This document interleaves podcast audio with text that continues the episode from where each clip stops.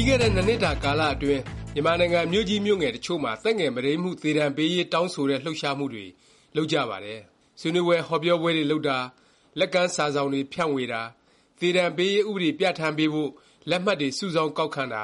စတာတွေ လုပ်ခဲ့ကြပါတယ်။နောက်ဆက်တွဲ အနေနဲ့ သက်ငယ် မုဒိမ်းမှု ကျူးလွန်သူတွေကို သေဒဏ်အထိ ချမှတ်နိုင်ရေး အထူးဥပဒေ တစ်ရပ် ပြဌာန်းပေးဖို့ အစိုးရကို တိုက်တွန်းကြောင်း အဆိုတစ်ရပ် ပြည်သူ့လွှတ်တော်အတွင်း တင် ဆွေးနွေးရသည် အထိ ဖြစ်ခဲ့ပါတယ်။ အဆိုကို ထောက်ခံတဲ့ဘက်နဲ့ ကန့်ကွက်တဲ့ဘက် နှစ်ဖက် အခြေတင် ဆွေးနွေးကြပြီး နောက်ဆုံး မဲခွဲ ဆုံးဖြတ်ကြပါတယ်။ကံမကောင်း အကြောင်းမလှစွာပဲ အဆိုကို ထောက်ခံသူ ၁၄၁ ကန့်ကွက်သူ ၂၂၇ မဲနဲ့ အဆိုရှုံးနိမ့်ပြီး မှတ်တမ်းတင်တဲ့ အဆင့်လောက်နဲ့ပဲ ထားခဲ့ကြရပါတယ်။မြန်မာနိုင်ငံမှာ မုဒိမ်းမှု သက်ငယ်မုဒိမ်းမှု ဖြစ်ပွားနေတာ ဘယ်အခြေအနေ ဆိုက်နေပြီလဲ၊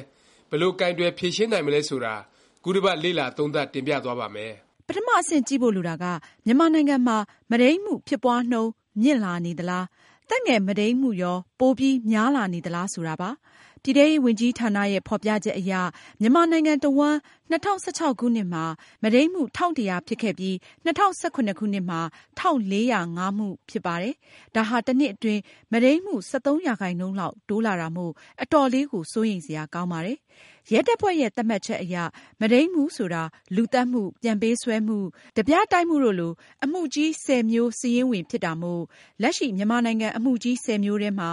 မုဒိမ်းမှုက အများဆုံးဖြစ်နေတယ်လို့တောင် ပြောလို့ရပါတယ်။ဒါကလည်း မကောင်းတဲ့ ကိစ္စပါ။အလားတူ ၂၀၁၆ ခုနှစ်မှာ သက်ငယ်မုဒိမ်း ၆၇၁ မှု ဖြစ်ပွားရာကနေ ၂၀၁၇ ခုနှစ်မှာ ၈၉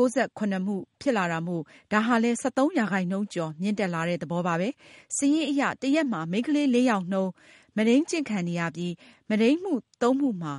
၂ မှုဟာ ၁၆ နှစ် မပြည့်သေးတဲ့ ကလေးနဲ့ မိန်းကလေးငယ်တွေ ဖြစ်နေတာကလည်း အတော်လေးကို အကျည်းတန် အရုပ်ဆိုးစေပါတယ်။တကယ်တော့ ဒီကိန်းဂဏန်း ဖော်ပြချက်တွေဟာ မုဒိမ်းမှုကိစ္စ၊သက်ငယ် မုဒိမ်းမှုကိစ္စ ပြည်သူတွေကြား ပြောနေဆိုနေ ဝေဖန်နေကြတဲ့ ကြားထဲမှာကိုပဲ တနေ့တခြား မြင့်တက်လာနေတာမျိုးပါ။ဒီထဲမှာ မုဒိမ်းမှုဖြစ်ပြီးကာမှ သက်ဆိုင်ရာ အာဏာပိုင်တွေဘက်က ကြားဝင်စေ့စပ်ညှိနှိုင်းပေးရင်း လျော်ကြေးလောက်နဲ့ ကြေအေးပေးလိုက်ကြတဲ့ အမှုအခင်း စာရင်းဇယား အချက်အလက်တွေ မပါသေးပါဘူး။ဒါကြောင့်လည်း ပြည်သူတွေ၊တက်ကြွလှုပ်ရှားသူတွေဟာ မုဒိမ်းမှုနဲ့ သက်ငယ်မုဒိမ်းမှု ဆန့်ကျင်ရေး၊ကျူးလွန်သူတွေကို သေဒဏ်ပေးနိုင်တဲ့ ဥပဒေပြဌာန်းပေးရေး ဆန္ဒပြပွဲတွေလုပ်၊လက်မှတ်ထိုးပွဲတွေလုပ်ရင်း နောက်ဆုံး လွှတ်တော်တွင်း အဆိုတင်တဲ့အဆင့်ထိ ရောက်သွားရတာပါ။သက်ငယ်မုဒိမ်းမှု ကျူးလွန်သူတွေကို သေဒဏ်ချမှတ်နိုင်တဲ့အထိ အရေးယူနိုင်မယ့် အထူးဥပဒေ ရေးဆွဲပြဌာန်းပေးရေး အဆိုကို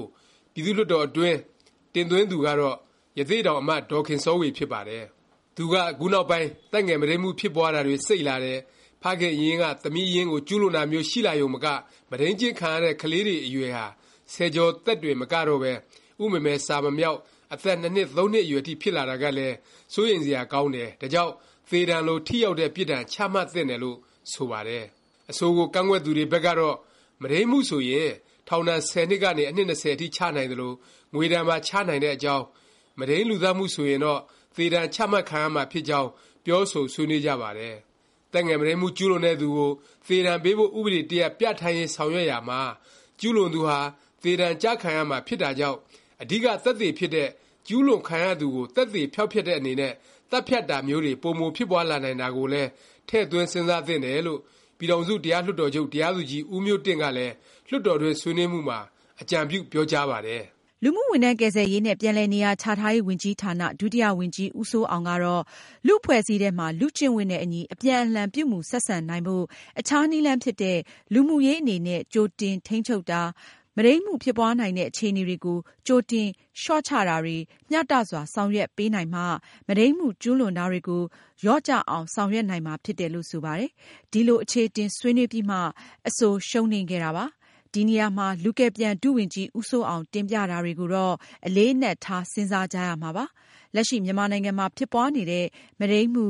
သက်ငယ် မုဒိမ်းမှုတွေနဲ့ ပတ်သက်ရင် မဖြစ်ပွားအောင် ကြိုတင်ကာကွယ်တာမျိုးကလည်း ဖြစ်ပွားပြီးမှ ထိထိရောက်ရောက် အရေးယူတာမျိုးနည်းတူ အလွန်အရေးကြီးပါတယ်။ဒီအတွက် ဘယ်လို ကာကွယ်တားဆီးမှုတွေ လုပ်နိုင်မလဲ စဉ်းစားတွက်ဆ ကြရပါမယ်။ မုဒိမ်းမှုနဲ့ သက်ငယ်မုဒိမ်းမှု ဖြစ်ပွားတာတွေနဲ့ ပတ်သက်ရင် ကျူးလွန်သူတွေက ဘာကြောင့် ကျူးလွန်ကြသလဲ၊ဘယ်အခြေအနေမျိုးမှာ ကျူးလွန်ကြသလဲ၊ကျူးလွန်ခံရသူနဲ့ လူ့အသိုင်းအဝိုင်းက အဲလို အခြေအနေမျိုးကို ဘာကြောင့် မတားဆီး မကာကွယ်နိုင်ရသလဲ ဆိုတာ အရင် လေ့လာ ဆန်းစစ်ကြည့်ရမှာပါ။ပြည်ထဲရေးဝန်ကြီးဌာနဘက်ကတော့ သက်ငယ်မုဒိမ်း ကျူးလွန်တာနဲ့ ပတ်သက်ပြီး ခံစားလိုလို့၊အရက်မူး စိတ်ကြွဆေး သုံးစွဲလို့၊ကလေးငယ်တွေ ပင်ကိုယ်အားနည်းတာကို အခွင့်ကောင်းယူလို့ရလို့၊ လိင်နဲ့ ပတ်သက်တဲ့ ဓာတ်ပုံနဲ့ ရုပ်ရှင်တွေကြည့်မိလို့၊လူမှုပတ်ဝန်းကျင်နဲ့ တရားဥပဒေ ဗဟုသုတ အသိအမြင် နည်းပါးလို့ ဆိုပြီး သုံးသပ်ထားပါတယ်။အသက် ၁၆ နှစ်အထက် မိန်းကလေးတွေ မုဒိန်းကျင့်ခံရတာနဲ့ ပတ်သက်ပြီး မိန်းကလေးတွေကိုယ်တိုင် အရက်သေစာ သောက်စားတဲ့အချက်ကို ထိပ်ဆုံးမှာ ဖော်ပြထားပါတယ်။ကျန်တာတွေကတော့ ကာမရာဂ စိတ်ကြွဆေးတွေ လွယ်လင့်တကူ ဝယ်လို့ရနေတာ